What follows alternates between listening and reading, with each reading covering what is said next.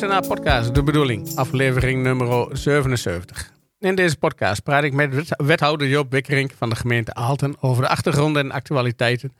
En dan vooral over het reilen en zeilen van de gemeente Aalten. Met een accent op de inclusieve samenleving, bestaanszekerheid en gezondheid. Mijn naam is Theo Bouwhuis, lid van de steunfractie van de Progressieve Partij in de gemeente Aalten. De titel van deze podcastserie is De Bedoeling. Immers, in onze samenleving moet het niet gaan over wetten, regels en voorschriften, maar het moet gaan over de bedoeling. Wat is de bedoeling van het overheidsbeleid? Wat willen we met wetten en regels bereiken? En wat doen we als die regels niet passen? In deze podcast gaan we het hebben over burgerberaden, over gesprekken met de bevolking over de toekomst van de zorg. En dan vooral de zorg vanwege de dubbele vergrijzing in de gemeente Aalt en in de Achterhoek. We gaan het ook nog hebben over de samenwerking tussen de zorginstellingen en opdrachtgevers, de gemeente. En we hebben leuke opvallende dingen in de afgelopen weken. We komen even terug op het concert van Excelsior met de solisten van Estenea. Daar sloten we de vorige keer mee af. En we kijken even terug op vijf jaar meedoen pakt en de verkiezing Norbe van het jaar.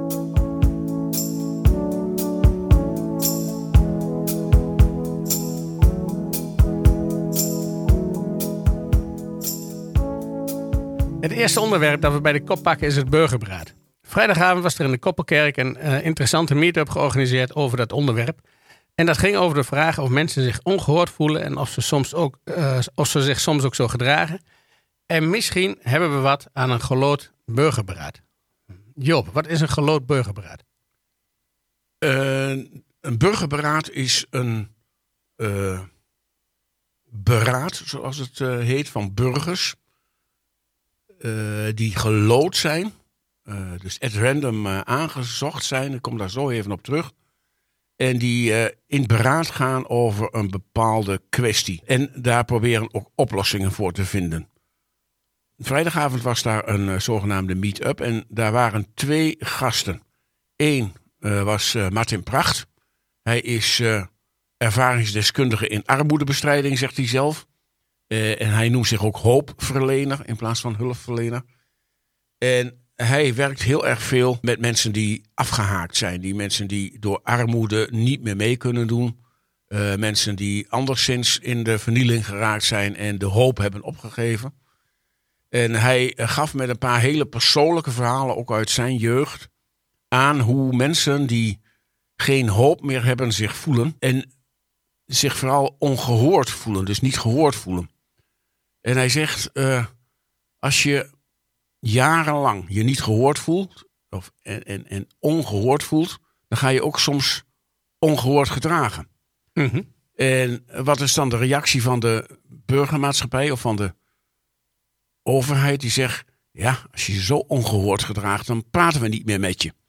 Uh, en dat is dus ook een soort visieuze cirkel. Hij Ik wou zeggen, dan is een cirkeltje geboren. Ja. ja. Dus hij had een beetje over de hooligans. Mm -hmm. Hij zegt, waarom Waarom gaan wij niet gewoon midden op het veld, redelijk naïef natuurlijk, maar waarom gaan wij niet midden op het veld gewoon picknicken met die hooligans en vragen, hoe gaat het met je? En hoe voel je je? En wat wil je? En niet, uh, hij, hij voerde een pleidooi voor een niet oordelend en een niet veroordelend uh, gesprek. En dat is moeilijk, want ga maar bij jezelf na. Je zit zelf ook vol vooroordelen en uh, vol uh, meningen over andere mensen. En dat, ja, dat beïnvloedt natuurlijk je opstelling naar mensen en ook de gesprekken. En uh, zeker als je hulpverlener bent of politicus, ja, zou je eens moeten proberen om dat niet te doen en werkelijk te luisteren naar wat mensen te zeggen hebben. zonder dat je natuurlijk hun gedrag in alle gevallen goedkeurt. Ja, dat, maar dat is best een lastige. Want dat is alleen, hele lastige. Alleen al om de mensen uit te kiezen waarmee je dat gesprek dan aan moet gaan dan moet je al een bepaald oordeel uh, vellen. Zeker, en, en dat, was, dat was ook in de discussie, werd dat heel erg duidelijk. Zei ook iemand, ja, ik heb twee neven. De een die is uh, Forum voor Democratie en de ander is uh, PVV en ik sta aan de linkerkant. Ik kan niet meer met die mensen praten. En toch zegt hij, ja, maar iedereen heeft zijn eigen waarheid. Erken nou dat iedereen zijn waarheid heeft en begin, ja. daar, eens, begin daar eens mee. Nou, en, en de vraag was dan, om da op dat burgerberaad terug te komen. Kun je nou uh, zeg maar de grote groepen mensen die zich afgehaakt en niet gehoord voelen, kun je die nou weer terugbrengen in de maatschappij? Of kun je die weer laten participeren? Kun je die weer laten deelnemen? Kun je die weer horen in zo'n burgerberaad? En daar was de tweede gast voor. Eh, Robin Koster, hij is van het bureau uh, Moventem. Uh, hij voert veel enquêtes uit. Bijvoorbeeld hier in de gemeente Aalten hebben wij ook die enquête U Spreekt. Hè? Dus mm. dat zijn, is een groep van 1300 mensen die af en toe een vraag voorgelegd krijgt. In, in, vorige week hebben ze een vraag over sport en bewegen voorgelegd gekregen. In de Achterhoek is ook zo'n U Spreekt de Achterhoek omnibus enquête-achtig iets. Maar hij heeft zich ook gespecialiseerd in die burgerberaden. En daar ook een aantal van uitgevoerd. Er zijn er op dit moment zo'n beetje acht in Nederland uitgevoerd. En er zijn er zes in bewerking waar hij bij betrokken is. En ik zal proberen uit te leggen wat zo'n burgerberaad dan is. Dat is eigenlijk begonnen in Ierland in 2016. In Ierland was uh, de kwestie van de abortus was een ontzettend gepolariseerd probleem. Hm. Mensen stonden dwars tegenover elkaar. Een beetje waar nou Amerika staat. Zeker, zeker. En, en ik kom zo ook nog een paar voorbeelden in Nederland uh, terug. Oké, ja. Uh, want polarisatie is hier natuurlijk ook strijk en zet. Maar ja, een heel, uh, een heel emotioneel onderwerp, dat onderwerp abortus. En toen heeft men dus een burgerberaad georganiseerd van 150 of van, ik geloof daar nog wel meer mensen. En kregen ruim de tijd, een maand wel, om bij de elkaar te komen. Ze werden ook voor die dagen dat ze daar aan deelnamen betaald. Mhm. Eh, en er werd, mensen werden gelood, het random, over de hele bevolking. Werden uitgenodigd, wil je meedoen aan dat burgerberaad? En uh, nou, er zit een heel verhaal aan vast hoe dat dan ging. En ook hoe hij dat hier uitvoert. In elk geval uh, komt het erop neer dat je in zo'n burgerberaad dus alle stromingen die in het hele land zijn over dit onderwerp vertegenwoordigd hebt. Mm nou, dan ga je uh, met elkaar in gesprek. Onder leiding van uh, onafhankelijke gesprekspartners. Maar je nodigt ook deskundigen uit. Dus van beide kanten. Uh, en, en, en de groep zelf mag dus weten welke deskundige er uitgenodigd wordt. En je probeert door allerlei technieken toe te passen. Je probeert echt inclusief tot elkaar te komen. Dat je ook rekening houdt met de stem van de minderheid. En hij kon daar ontzettend mooi over vertellen hoe hij dat dan doet. Uh, door toch ook die minderheid echt zichtbaar te maken. En zeggen, ja, maar uh, bijvoorbeeld, uh, hij heeft een, een klimaatberaad gedaan voor de provincie Gelderland. En ja, dat was ook in de tijd van de corona en de wappies en, en, en de hm. corona-complotdenkers. maar die waren wel aanwezig in nee, niet bepaald het hoogtepunt van de redelijkheid nee, in, nee, in Nederland. Nee, maar hij heeft wel geprobeerd, en dat hebben ze ook aanvaard. Ze zei, oh, wacht even. Dus uh, wij mogen ook onze mening hier zeggen. En hm. daar is uitgekomen, in Gelderland bijvoorbeeld. Het eerste punt uit dat, uh, uit dat burgerberaad is, elke mening telt. Nou, dat was voor iedereen dus ook de reden om te zeggen, nou oké, dat is serieus. Ik mag mijn zegje zeggen. Nou, in terug te komen op Ierland, daar is dat zo goed gegaan dat men dus een zekere oplossing, ik weet hem niet precies wat die inhoudt, een zekere oplossing voor dat abortusvraagstuk heeft geformuleerd daarover gestemd heeft in dat burgerberaad. Daarin een meerderheidsadvies, waarin ook de adviezen van de minderheid geïncluseerd waren, uh, voorgelegd. En dat is in een referendum aan het volk voorgelegd. En daar zijn ze dus uitgekomen. Dus in Ierland is dus nu een door de bevolking gedragen wetgeving over abortus. Nou, en dat is ook een beetje de bedoeling van zo'n burgerberaad. Dat je een uh, inclusieve, uh, meningsvorming hebben waarin alle meningen een plek krijgen. Je hoeft het niet met elkaar eens te zijn, maar dan wordt er wel op een gegeven moment gestemd. Hm. En dan wordt er dus gekeken van, nou, uh, wat, wat, wat doe je nou op, op dit vraagstuk? En het doel is dus een weloverwogen en een doordacht advies, gestoeld op verschillende standpunten en perspectieven. En volgens een inclusief proces, zoals dat heet, zeer belangrijk, de stem van de minderheid moet gehoord worden om met dat advies te komen. En dan, de gemeente of de provincie of het Rijk, wat zo'n opdracht geeft voor zo'n burgerberaad, moet van tevoren zeggen wat ze met de uitkomsten gaan doen. Mhm. Dat hebben ze in Ierland ook gedaan. Ze hebben gezegd, we leggen dit voor in een referendum aan de bevolking. In Gelderland heeft men gezegd, ja, binnen bepaalde kaders uh, gaan we eh, de uitkomsten respecteren en ook uitvoeren. Dat is wel van belang. Nou, dat betekent dus ook dat je een onderwerp moet hebben in zo'n burgerbelang, uh, burgerberaad, waar je ook wel over gaat. Ja. Dus je. Uh, ja, anders kun, je, anders kun je er niks mee. Nee, want je kunt wel zeggen van, ja, dat was ook nog een discussie in de zaal. Heel veel van die burgerberaden gaan over klimaat. Eh, maar over klimaat kun je eindeloos filosoferen natuurlijk. Mhm. Maar wij kunnen hier niet zorgen dat de opwarming van de aarde met eh 1% eh, minder wordt. Of 1 graad minder wordt. Dat kunnen we hier niet. Nee. Maar we kunnen wel over concrete maatregelen hebben. Eh, zo hadden ze in Utrecht geloof ik een eh, burgerberaad over de plaats van vijf windmolens. Nou, uiteindelijk ging het helemaal niet meer over die vijf windmolens. Maar ging het over maatregelen die in het kader van het klimaat zou kunnen treffen. Waaronder ook wel windmolens. En dat hebben ze dus voorgelegd aan de gemeenteraad. Nou ja, eh, dat was een heel aardige eh, avond. En, en eh, er waren toch ook wel redelijk veel mensen. Jammer genoeg te weinig uit de politiek natuurlijk. Want in de politiek is natuurlijk zo'n zo'n burgerberaad.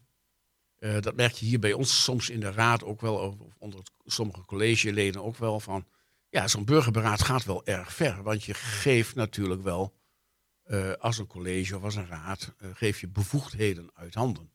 En nou, daar is men een beetje, ja, een beetje bangelijk voor. Aan de andere kant is het natuurlijk zo. Nou, maar je wordt er ook gekozen om de bevolking te vertegenwoordigen. Zeker, zeker. En, maar dat is precies het argument. Hè, van, wij zijn toch voor vier jaar gekozen. We hebben een soort mandaat van de kiezer gekregen. Eh, maar ja, als die, als die kiezer jou nou niet, eh, ja, niet met jou eens is eh, wat je allemaal doet. dat, ja, dat, is dan, dat is dan toch wel heel vervelend. Ik, Ja. ja, sowieso ongeveer de helft geven een mandaat af. De rest niet. Ja. Eh, En, en dan, ja, dan kom je natuurlijk ook nog met onverwachte problemen die niet in je verkiezingscampagne hebben gestaan. En ja, dan moet je daar natuurlijk ook iets over zeggen. Maar hij had, hij had eh, Robin had ook een heel mooi voorbeeld hoe dat nou werkt in het populisme. Hè. En, eh, en de pop- populistische partijen die hebben eh, vier pijlers ongeveer. Hè. Van ze zeggen één, wij vertegenwoordigen het volk. Mhm. Twee, wij zijn tegen de elite. Drie, wij hebben concrete en zeer eenvoudige oplossingen. Ja. En vier, wij willen weer terug naar vroeger. Ot en zientijd. Eh eh toen het allemaal nog fijn was. Ja.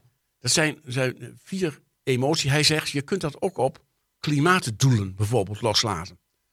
En eh, dan komt er opeens iets heel anders. Dan zeg je van, wij, hebben, wij vertegenwoordigen de wil van het volk. En wij willen, het volk wil dat hun kinderen in een veilige wereld en in een eh, eh, biodiverse wereld opgroeien. Dus dan kun je daar groene thema's aan, aan, aan koppelen. Wij zijn tegen de elite. Want wij willen dat er vergaande maatregelen eh, ter verbetering van het klimaat worden doorgevoerd. Laat Tata en Shell dat maar betalen, want dat is de elite. Nou ja, Ja. Zo, dat was wel grappig. En hij gaf ook wel een goede analyse van eh, wat er tegenwoordig aan de hand was. En daar was ik het ook wel heel erg mee eens. Je ziet drie dingen eh, die, die uitdagingen vormen in de maatschappij. Punt één, dus dat populisme. Hè, en en, en hoe, hoe ge- reageer je daarop? Op eenvoudige oplossingen die bakken met geld kosten, wat er niet is. Bijvoorbeeld. En dan Eh, vaak nog niks oplossen. ja, of eh, nou ja, wat ik net zei van de willen van het volk. eh, en we weten niet eens wat het, wat het volk wil, maar je claimt dat wel. Ja, dus dat populisme is toch wel een probleem. Dat zie je nu in de, in de formatie ook wel. En de polarisatie is wel een, een heel groot probleem. Hij noemde het voorbeeld van windmolens. Hij zegt, ja, de ene groep zegt van... ik slaap niet omdat ik, omdat ik klimaatstress heb... en denk van mijn kinderen kunnen niet meer opgroeien in een gezonde wereld. Dus we moeten aan die, met die duurzame energie en dus windenergie aan de gang. En aan de Mhm. andere kant zegt, ja, ik slaap niet van het geruis van die windmolens. Dus het is een enorme polarisatie. De migratie precies hetzelfde. Ja, ik wil niet dat ons, eh, ons land volloopt met allerlei migranten.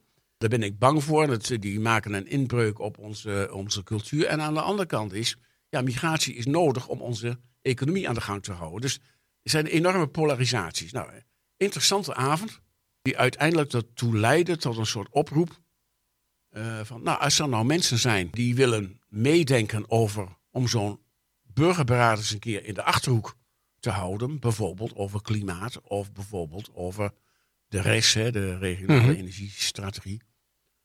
Eh, of over sociale onderwerpen. Laat ze zich melden. Er is al een klein groepje in de achterhoek die zich daar wat eh, mee bezighoudt. Eh en eens kijken of dat van de grond kan komen. Want het is wel zo, en dat heeft hij niet zo de nadruk op gelegd, maar als je zo'n burgerberaad organiseert en je doet het goed, en je wilt die 150 of 100 mensen die eraan meedoet ook een vergoeding geven, zodat ook mensen met een uitkering en mensen met werk die een dag moeten snipperen daaraan mee eh, kunnen doen. Ja, dan kost dat wel een hoop geld natuurlijk. Ja. ja. Dus uh, nou, een, een, mooie avond. En, en ik denk ook, ja, wij hebben natuurlijk ook, diverse partijen hebben wel zoiets in een verkiezingsprogramma staan. De progressieve partij heeft dat ook wel ingezet van experimenteren met burgerberaden ik zou er wel voor voelen om dat, een keer, uh, om dat een keer in deze periode of in de volgende periode ook daadwerkelijk van de grond te trekken. Want dat het werkt, uh, bleek op die vrijdagavond wel. Er zijn ook zat dingen die je niet moet doen. Je kunt het ook enorm laten mislukken. En ja. daar had hij ook wel voorbeelden van. zijn een brexit? Ja, ja die, die vertel ik allemaal nu niet. Ja. Nee, nee, je moet, je moet dus goede dingen doen. Ik, ik, denk dat iedereen wel een paar voorbeelden heeft Zeker. waarvan je denkt van nou, daar hadden we eigenlijk niet met z'n allen een mening over moeten hebben. Want het is er niet beter van geworden. Ja, ja, vind ik een mooie. Je, geeft al aan van dan moeten we een keer echt van de grond trekken. Nou, ik, ik, hoop eigenlijk nog wel dat we dat in. Maar dat is denk ik die tijd haast te kort voor als je dat goed voor wil bereiden om dat in de komende, Zeker, maar, goed, je ziet ook komende wel, tijd nog te doen. Je ziet natuurlijk ook in de gemeenteraad wel dat men wel worstelt met uh, uh, van ja, hoe vertegenwoordigen we nou en, en hoe gaan we nou uh, die burger, die inwoner. Ja, hoe krijg je die burger betrokken? Ja, hoe krijg je ja. die betrokken? Dat is best wel een punt hè, van. Ja, deze week vrijdag gaat de gemeenteraad ook weer bij elkaar zitten. En het tweede deel met het college erbij ja, hoe organiseren we nou al alles zodanig dat het, uh, ja, dat het ook voor de inwoners behapbaar, begrijpbaar en ook aantrekkelijk wordt. Ja.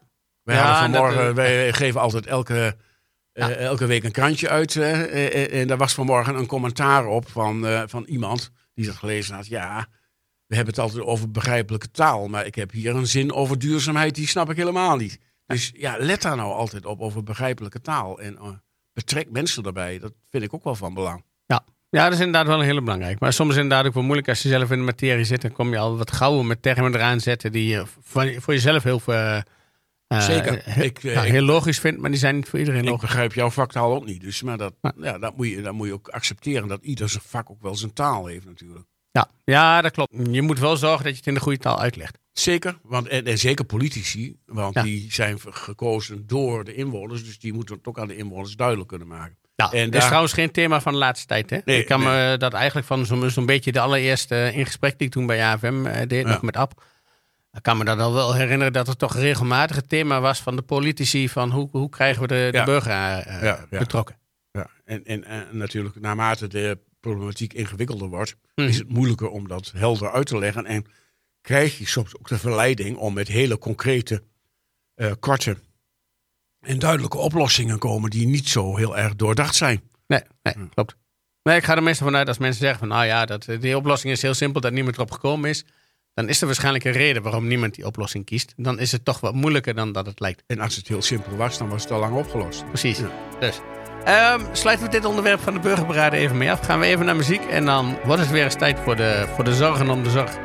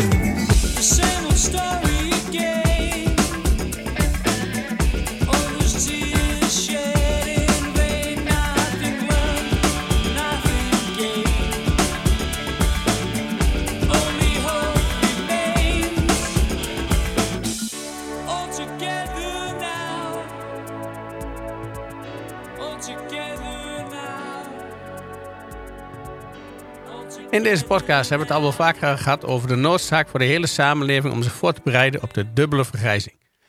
Dat hebben we, hebben we in de achterhoek, dat hebben we zeker in Aalten. En dat lijkt me nou wel een mooi onderwerp, dat een beetje aansluit bij wat we ervoor hadden, zo'n burgerberaad. Daar zou dit denk ik ook wel heel erg goed in passen. Hoe, hoe bereiden we ons goed voor?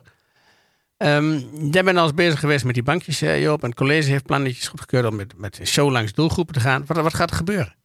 Ja, ja eerst over dat idee over zo'n burgerberaad. Nou, daar hebben we het vrijdag ook met die Robin Koster over gehad. Van, zou je nou niet op Achterhoekse schaal een burgerberaad uh, kunnen houden van hoe wil je nou oud worden uh, in de Achterhoek? Wetend dat die dubbele vergrijzing er is. En ja, laten we daar eens met de burgers over in gesprek gaan. Of ook besluiten voorleggen die genomen moeten worden. Dat is best wel intensief natuurlijk. Inderdaad, dat bankje, dat is vandaag nadenken over morgen. Mm Dat is een bankje van de zorginstellingen. En die slepen we overal mee heen als er een een bijeenkomst is. En dan kunnen mensen dan eh, met elkaar in gesprek over, nou, wat vind jij nou uh, wat er moet gebeuren en hoe wil jij nou oud worden in, uh, in de gemeente Aalten. Bijvoorbeeld op 21 maart is er weer een avond voor nieuwe inwoners. Nou, dan neem ik dat bankje ook weer mee en dan is, is dat het onderwerp. En het derde onderdeel is dan, wat het college zei, heeft goedgekeurd afgelopen dinsdag, een programma uitgevoerd door een club die heet Oudtopia. Nou, je voelt het al wel een beetje. Uh, utopia, maar dan voor de ouder wordende mensen.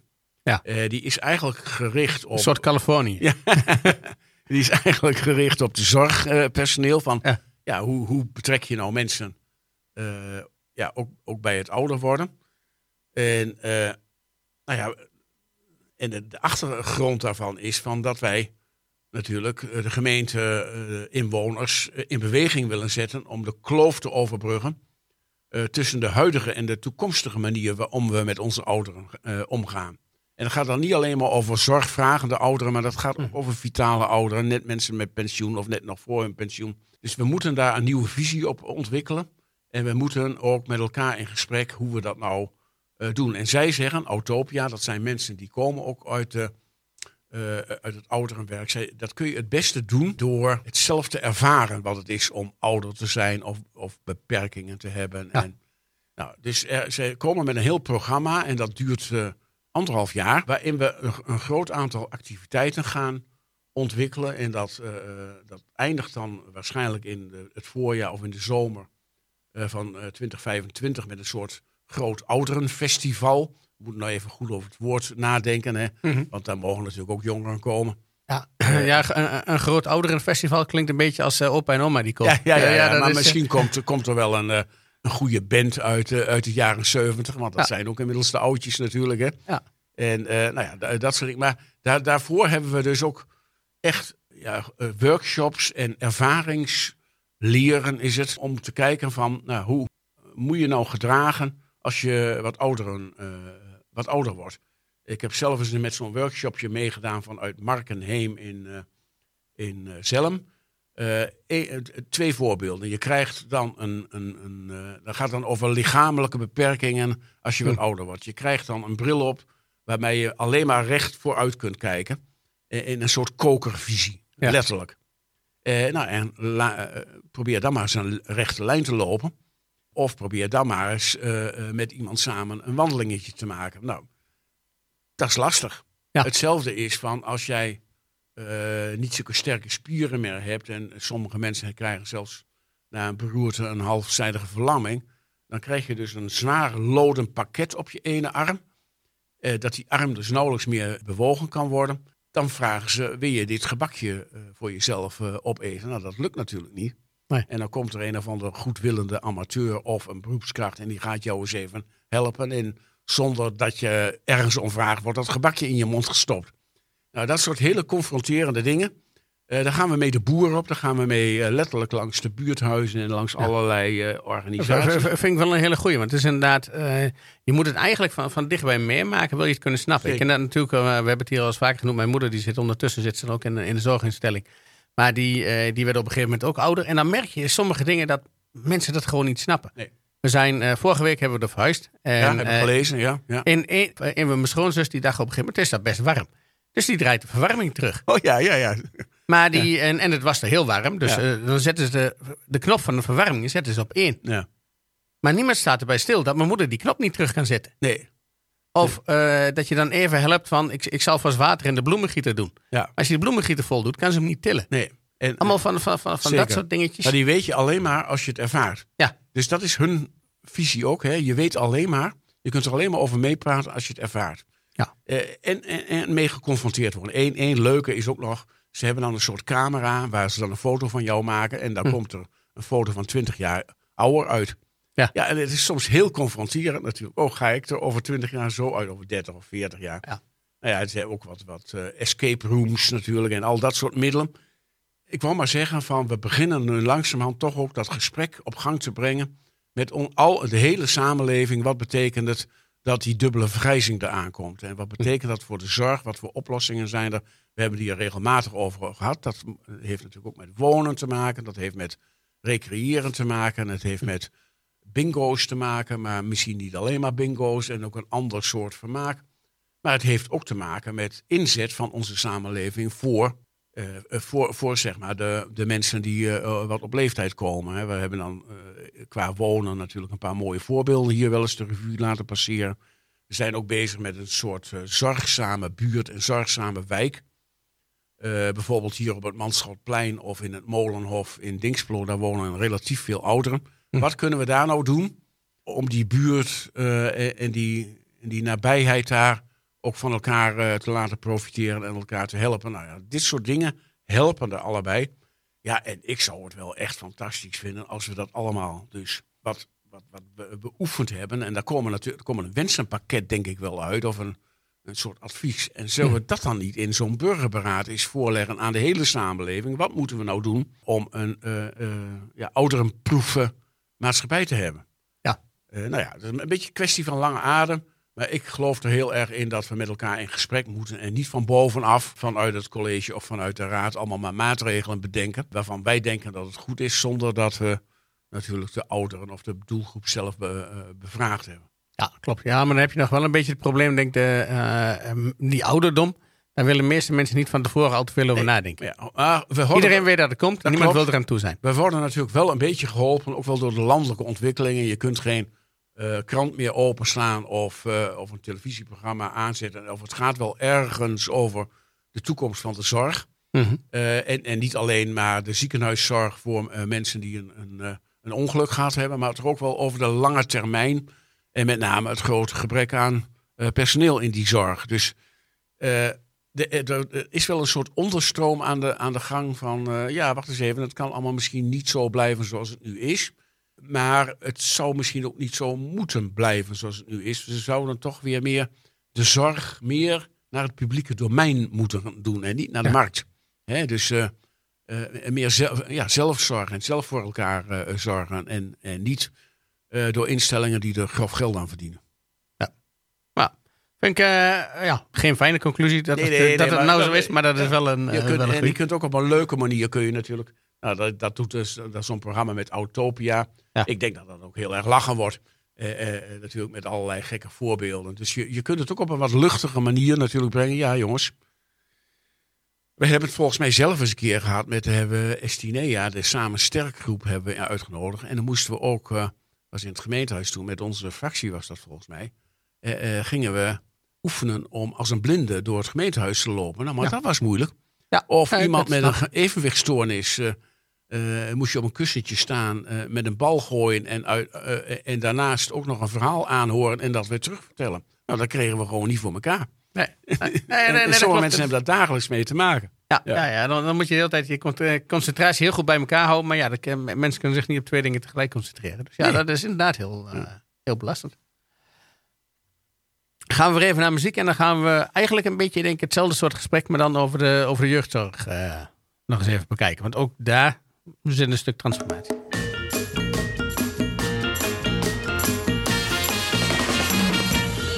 Het is een stad, het is een dorp, het is een plaats of een gehucht. En je moet er niet te gek doen, anders ben je zo berucht. Waar je dag zegt tegen melkboer, kruidenier en oma Gent. Die je nooit een bon zal geven, omdat hij je vader kent. Waar je rustig aan kunt zeuren tegen iedereen op straat. Omdat iedereen wel iets heeft waar hij over zeuren gaat. Eerst dan vind je het gezellig en je kent de hele stad. En dan doe jij het examen en dan heb je het wel gehad. Iedereen zit ergens anders en jij zit verdomd alleen. Met alleen maar oude mensen en familie om je heen.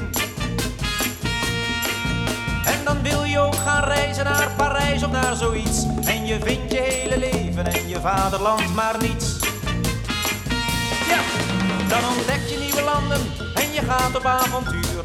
Je leidt honger in een hooiberg en geniet de liefde puur. En je komt na een paar maanden als een zwerver weer naar huis. Met een baard en zonder centen, je hebt honger, dorst en luis. Ja! En je scheert je en dan trouw je en blijft zitten waar je bent. In je eigen kleine stadje waar je alle mensen kent. En dan zeggen ze tevreden, hij verliest zijn wilde haar. Hij wordt eindelijk volwassen en na nog een tweede jaar is hij net zo'n grote hufter als zijn vader is geweest. Die een mening over alles in het ochtendkrantje leest. Met zijn eigen televisie en zijn eigen borreltent. Eigen kleine stadje waar hij alle mensen kent. Niet dat hij een vlieg zal kwaad doen en hij is niet interessant. En hij kijkt geen meter verder dan zijn borrel en zijn krant. Maar houd hem maar in de gaten, want het is zo'n kleine man. Die als hem dat maar gevraagd wordt vaak het beste schieten kan.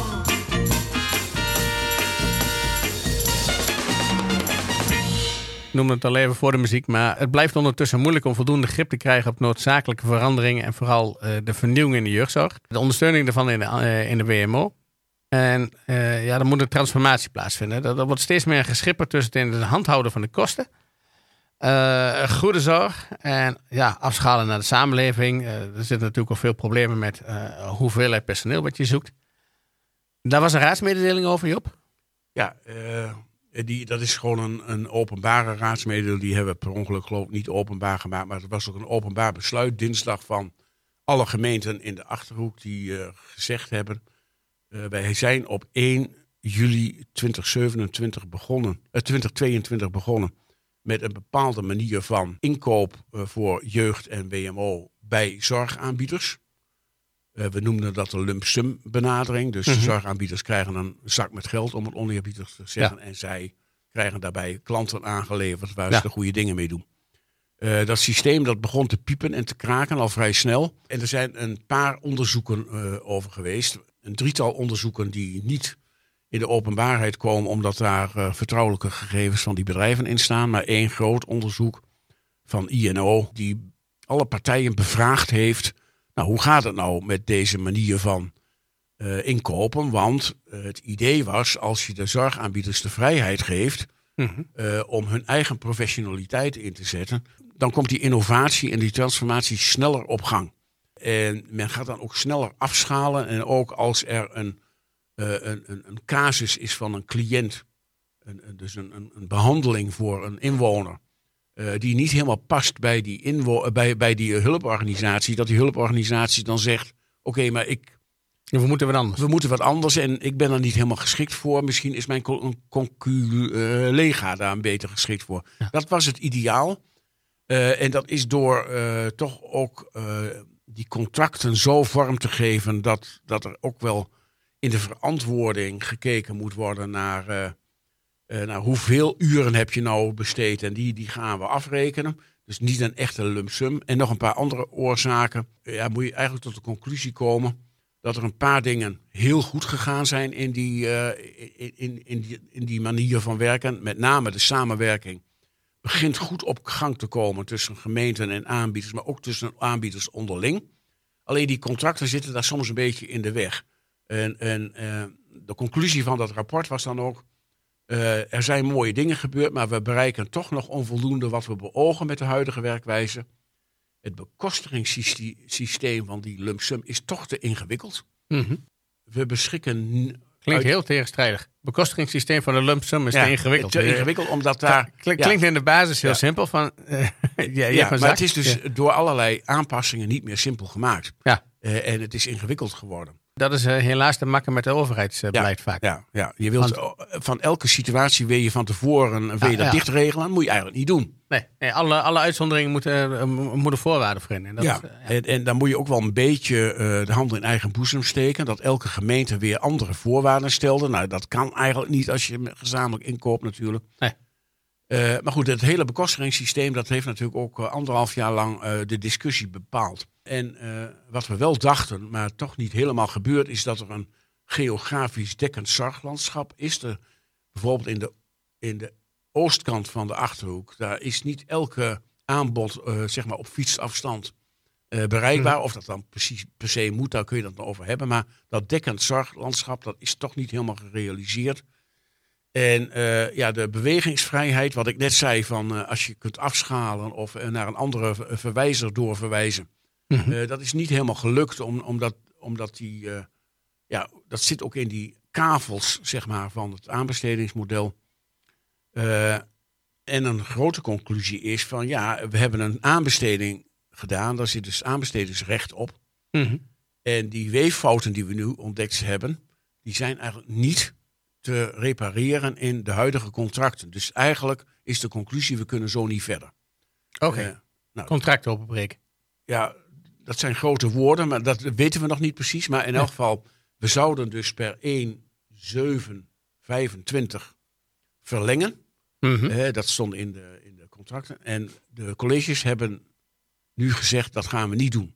Wat we dan wel gaan doen, na 1, eh, 7, 25, daar gaan we nu tot die 1, 7, 25 heel goed over nadenken. En een van de eerste dingen is, aan gemeentelijke zijde, wij gaan eerst eens even goed nadenken en uitspreken op welke gronden willen we nu samenwerken.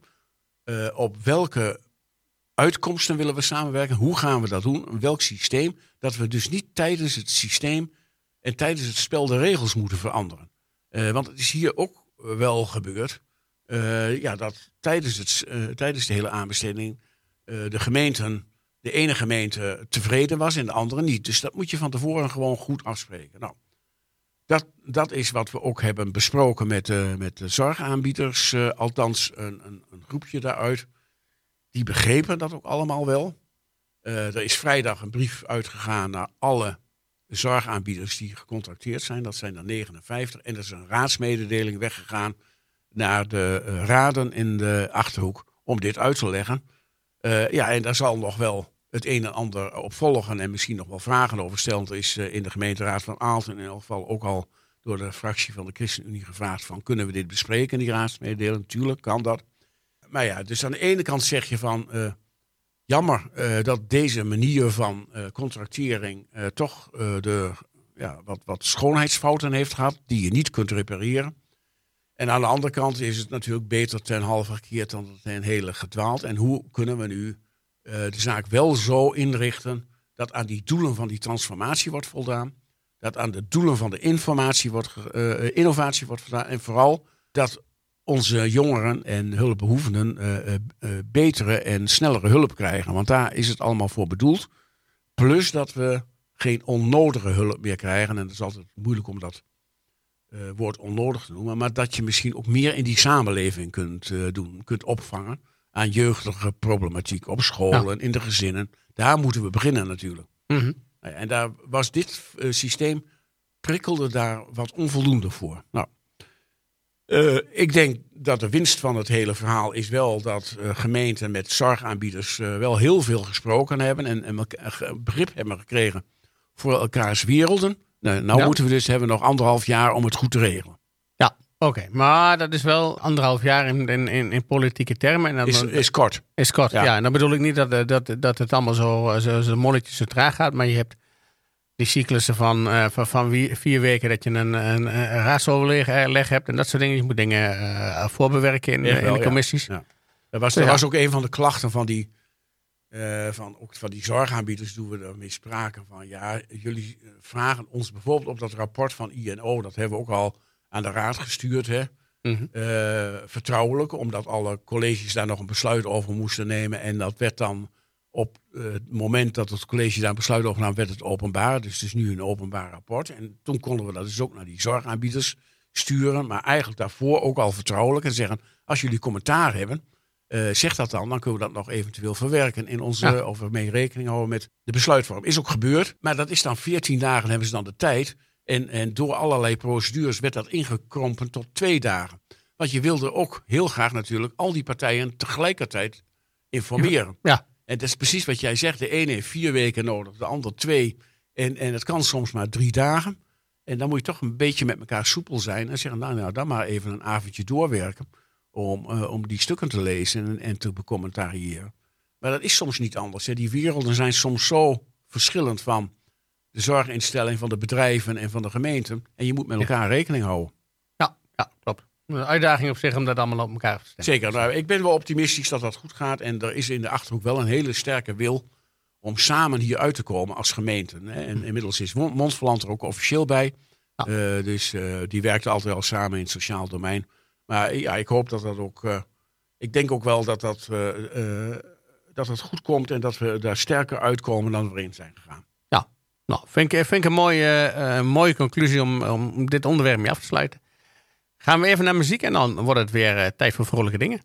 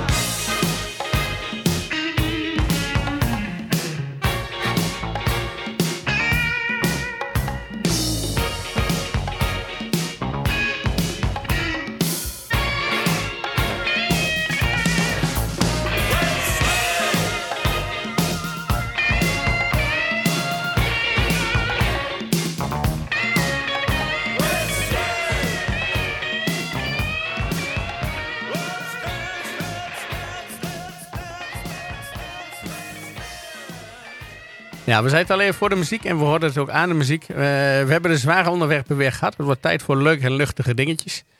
Vorige keer hadden we het over een concert dat gegeven zou worden door de muziekvereniging Excelsior. Daar eh, zijn we inderdaad mee, mee afgesloten. En dat was samen met eh, cliënten van Estinea. Je bent daarheen gegaan. Vertel, hoe heb je het beleefd? Ja, dat was eh, op een zaterdagavond.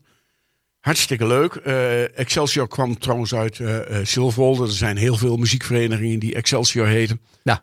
Maar deze kwam uit uh, Silvolde. En die hebben maanden geoefend met acht cliënten van Estinea... die allemaal een stukje speelden. En dat was echt heel mooi om te zien. En met een hele vlotte presentatie ook van... Iedereen dacht dat dat een dame was die in de zorg werkte... want die kon ontzettend goed met cliënten omgaan.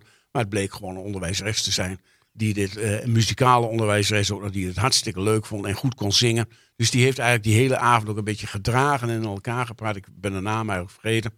Eh, maar het ging dan zo dat, eh, dat er steeds een, een solist of een ja, medewerker van Estinea met een stukje meespeelde. En de eerste was Henk. Henk woont hier in Aalten. Hij is al 83 en speelt zijn hele leven al zo'n beetje orgel, keyboard en dat soort dingen. Eh, en en eh, eh, die had het stukje Rose van Bette Midler. Oh. En Ja. dat is niet eenvoudig om dat, om dat te spelen. Maar hij bracht het er behoorlijk goed af. En zo had je echt allerlei hele leuke dingen. En af en toe ging er natuurlijk iets goed mis. En dan was het ook wel leuk dat die presentator gewoon meezong met degene die dan aan het zingen was. En eh, dat versterkte dan weer. Ik heb een stukje muziek meegenomen. En ik hoop dat we dat ertussen kunnen eh, eh, monteren. En dat is eh, een stukje waarin het korps een, een, een mooie mars speelt. En dan komt. En je hoort heel duidelijk op de achtergrond de grote trom waar keihard opgeslagen wordt door Charles. Oké, Charles, vol, vol overgaan. ja, ja, Charles is echt een, een, een uniek figuur. Ik geloof dat hij ook ergens in Aalten woont, want ik zie hem wel eens vaker. Maar heeft, heel vaak heeft hij gewoon een uniform aan. Hij trommelt als een gek. En eh, eh, in, dit, in dit geval ook op die grote trom. En dat ging eraan. En er waren dus ook twee anderen die deden trommel. Eén, eh, Marco Somsen was er natuurlijk bij, die op de horen iets deed. En dan twee meisjes nog die op de gitaar iets deden. Nou, ik vond het hartstikke leuk. En dat zei ook de directeur van Estinea. Dit is natuurlijk iets wat we graag willen. Hè? Dat, dat een soort, dit is een soort inclusieve samenleving. Dat je mensen met een vereniging eh, ja, laat spelen. Henk-Jan Radstaak was de dirigent. Die is ook bij een aantal Aal- Aaltense korpsen. eh, is die dirigent, dus ook bij Silvoorde. Hij woont ook in Aalten. Nou, je ziet ook dat die mensen er allemaal plezier in hebben. Maar het kost enorm veel tijd natuurlijk om samen met die cliënten een stukje goed in te studeren. En dan nog over het voetlicht te brengen op zo'n avond. Prachtige avond. En echt een, een voorbeeld van hoe kun je nou mensen met een beperking ook in je eigen vereniging mee laten doen. En eh, nou, dat vond ik de waarde. Maar dus ja, hier het, als het lukt, het stukje Nee, van, ja, eh, ik, eh, ik- van ik- Excelsior en, en, en, en Charles op de grote trom. Oké, ja, ik, ik, ik zet hem er hier nou achter. Dus we zouden, bij wij- in principe zouden we kunnen aankondigen, maar we kunnen het niet afkondigen, want ik heb het niet gehoord. Dus Nee. dat is. eh, maar eh, in, in ieder geval een stukje Excelsior.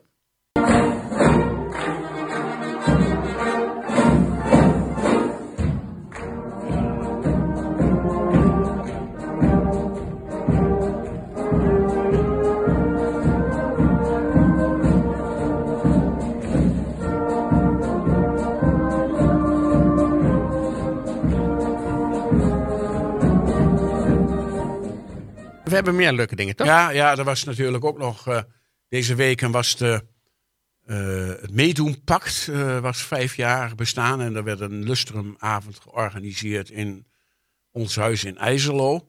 Mhm. Nou, daar werd een beetje teruggekeken onder leiding van Angelique Kruger, de presentator van Radio Gelderland, eh, of Omroep Gelderland, die leidde die avond een beetje. Er waren wel een hoop zieken, dus er moest wat eh, geïmproviseerd worden. Oh, maar dat kan Angelique Ja, dat kan zij prima. En, Ook eh, altijd inmiddels, hè? ja, ja Toch? zij woont Ja. aan de Spiekerdiek, vertelde ze. En, eh, maar wat zij dus ook vertelde, dat zij zelf vroeger toch wel in de nodige zwarte sneeuw gezien heeft. En in armoede is opgegroeid. Ze wa- was geboren in Haarlem en toen verhuisd naar Friesland, omdat haar moeder was gescheiden. En dat ging niet helemaal goed daar met armoede en alles. En een winkeltje wat haar moeder wilde beginnen, wat niet lukte. En nou ja, zij vertelde dus ook dat ze een avondhavo had gedaan. En dat was dan betaald door zo'n soort meedoenpak. Dus een soort fonds. ja. Dus nou, dat was wel een mooi voorbeeld. Eh, en zo waren er wat meer voorbeelden van, eh, van mensen die, eh, ja, die toch ondanks heel veel tegenwind uiteindelijk toch een beetje op de plek zijn gekomen. Er was één meisje bij die zegt, nou ja, ik heb dan toch wel heel erg goed geleerd om met, weinig geld om te gaan. En ik ben sinds vandaag, ben ik, sinds vorige week was ze gecertificeerd budgetcoach. Nou ja, eh, wat, wat kun je mooier hebben dat mensen die eh, vanuit eigen ervaring dat kunnen vertellen. Ja. Nou ja, wat daar ook aangekoppeld was. En, en- en, en wat ook bewijst dat je gewoon, Ja. eh, ondanks het feit dat je het zwaar kunt hebben met opgroeien, dat je er wel kunt ontstijgen. Dat je er wel overheen. Maar da- daar is één ding heel belangrijk bij. En dat zei, werd ook door Frank Vinkervleugel gezegd, die ook in het forum zat. En die heeft dat vaker verteld. Zoek wel, wees niet eigenwijs. Nee. Zoek tijdig de, eh, hulp. En hij zegt, ik heb dat niet gedaan en later wel. En ik ben fantastisch geholpen, ook door de gemeente, WMO-loket. Eh, maar doe dat tijdig. En denk niet eigenwijs, ik kom er zelf wel uit. Want Mhm. op een gegeven moment kom je er niet meer uit. En dat gaat dan over mensen met schulden, maar ook mensen met andere problematieken. Nou, dat was leuk. Maar, en, en, eh, maar wat ook leuk was, was dat ja, onze lokale omroep, AFM, Ja, onze gastheren van de podcast. ja, ja, Ja. eh, eh, een, eh, altijd een soort, eh, nu eh, onder de logo AFM in actie, allerlei hulpacties organiseren. Nou, iedereen herinnert zich nog van het voorjaar eh, de hulpactie eh, samen met het meedoen pakt, waarin een schoonmaakpakket aan mensen met een minimuminkomen eh, gedoneerd werd. Nou ja, rond de kerst hebben we ons allemaal weer ingezet om eh, levensmiddelen te besparen, eh, te sparen en te kopen. En die in pakketten te stoppen. En er zijn weer eh, iets van 300 pakketten eh, eh, verdeeld. En, en men dacht, eh, eh, wat we ook altijd hebben, eh, eh, met als prijs een mooie zilveren boeken, of een stalen boekenlegger van eh Lucie Aversteer uit Bredevoort. De zilversmid. eh, de Norber van het jaar. En eh, nou, toen dacht men dus van, nou ja, we hebben die, die lustenbijeenkomst. En waarom moet dit ook altijd rond kerst? Dat kunnen we ook wel in, in februari doen. En die lustenbijeenkomst kunnen we dan de Norber van het jaar Ja. eh, eh, kunnen we uitreiken. Ja, zo vind ik sowieso goed. Want ik, ik, heb ook met Benito gesproken. Die, die zit dan natuurlijk van, van, Ja. vanuit de AFM is er dichtbij betrokken. Maar het, het is natuurlijk ook zo. Met, met kerst is altijd heel erg Zeker, ja. iedereen betrokken. Ja. Maar dat is niet genoeg. En dan moet het, dan moet je jaar Monday. rond. Ja. dan krijg je Blue Monday in januari. Ja. ja, nee, maar dan is er zo'n stille periode, weet je wel. En dan, nou ja, dus dat was heel goed. Eh, eh, nou ja, ik, ik mocht dan ook eh, samen met Hans de Lindert vanuit het college in de jury zitten. En samen met Erik Wiegers van Viegelus hadden we al een tijdje natuurlijk ja, al die genomineerden bekeken. En uiteindelijk hadden we er vijf uitgekozen. die dan ook uitgenodigd werden op die avond. Maar ja, dan heet al. dit zijn dus echt Norbers die heel veel in de bu- buurt doen. En dat zelf eigenlijk niet zo heel bijzonder vinden. Maar die Ja. buurt vindt dat heel bijzonder. En die zeiden van ja, moet ik daar nou een prijs voor hebben? En eh, ja, ik, ik, heb, ik sta ook liever niet zo in de belangstelling. Dus er waren er gewoon twee. Die durfden gewoon niet te komen. Nee. Waaronder de prijswinnaar. En die wilde gewoon niet komen van, voor zo'n grote groep. En Dat was, ook, dat was ook wel heel logisch eigenlijk misschien wel. Dus misschien moeten we daar ook nog eens over nadenken. Dit zijn mensen die dus eh, in stilte heel veel goed werk voor hun nabers doen. En voor hun, hun buren. En voor Mhm. de buurt. Niet zozeer alleen maar voor verenigingen, maar daar hebben we andere dingen voor. Ja, en die staan zo niet zo liefst, eh, niet, niet, niet, zo in de belangstelling. En die andere drie die kwamen, die, eh, ja, die, die hadden ook de nodige twijfels. Ja, moet dan al wel heen en in de spotlight staan. En, eh, maar goed. Uiteindelijk waren er leuke, echt, echt leuke genomineerden. Waaronder iemand uit Ghana, die vrijwilliger is bij, eh bij Figelus en veel in de kerk doet. En ook voor zijn buren altijd klaarstaat. En eh, dat, dat, dat was dan ook wel heel erg leuk dat ook zo iemand die nog niet zo lang in Nederland is, eh, dan toch ook erkend wordt. Eh, en, en degene die gewonnen is, dat, dat is Alex Top. Ook al een wat oudere meneer van, of ouder, maar 70 of zo. Ja. die ook heel veel in de buurt doet en ook af en toe eens met die elektrocar rijdt. Ja, en die hebben dan maar de bloemen en de mooie speld van Lucie Aversteeg eh, naar de hand gebracht, want hij was er niet. Nee. Hey, Ja. Eh, nou ja, eh, het was een leuke avond. En eh, ja, hier moet je dan ook weer eens even over nadenken. Van, eh, ja, als je dan iemand wilt belonen of, of de waardering wilt uitspreken, moet dat dan in voor plein publiek of moet je dat op een andere manier doen? Ja, ja, dat klopt. Dat is, eh, Dus ik vond het leuk. En, eh, en, en ook, eh, ja, ook fijn dat AFM daar en met AFM in actie dat toch ook iets meer is dan alleen maar een lokale omroep. Maar ook dit soort dingen graag wil doen. En daar, daar kun je ze echt voor prijzen. Dat is hartstikke mooi. Ja. Nou, vind, vind ik een hele mooie afsluiting. Zeker eh, eh, als, als oud AFM-medewerker. Hebben wij hem erop zitten? Ja, hebben we een korte podcast volgens mij. dit was Ja. het wel een beetje voor eh, deze week of deze 14 dagen. Ja. En dan komen de volgende 14 dagen. Er zal weer genoeg gebeuren om weer over te spreken. Ongetwijfeld. Dus eh, Joop, bedankt voor je tijd. Tot de volgende keer. En eh, iedereen weer bedankt voor het luisteren. Tot ziens.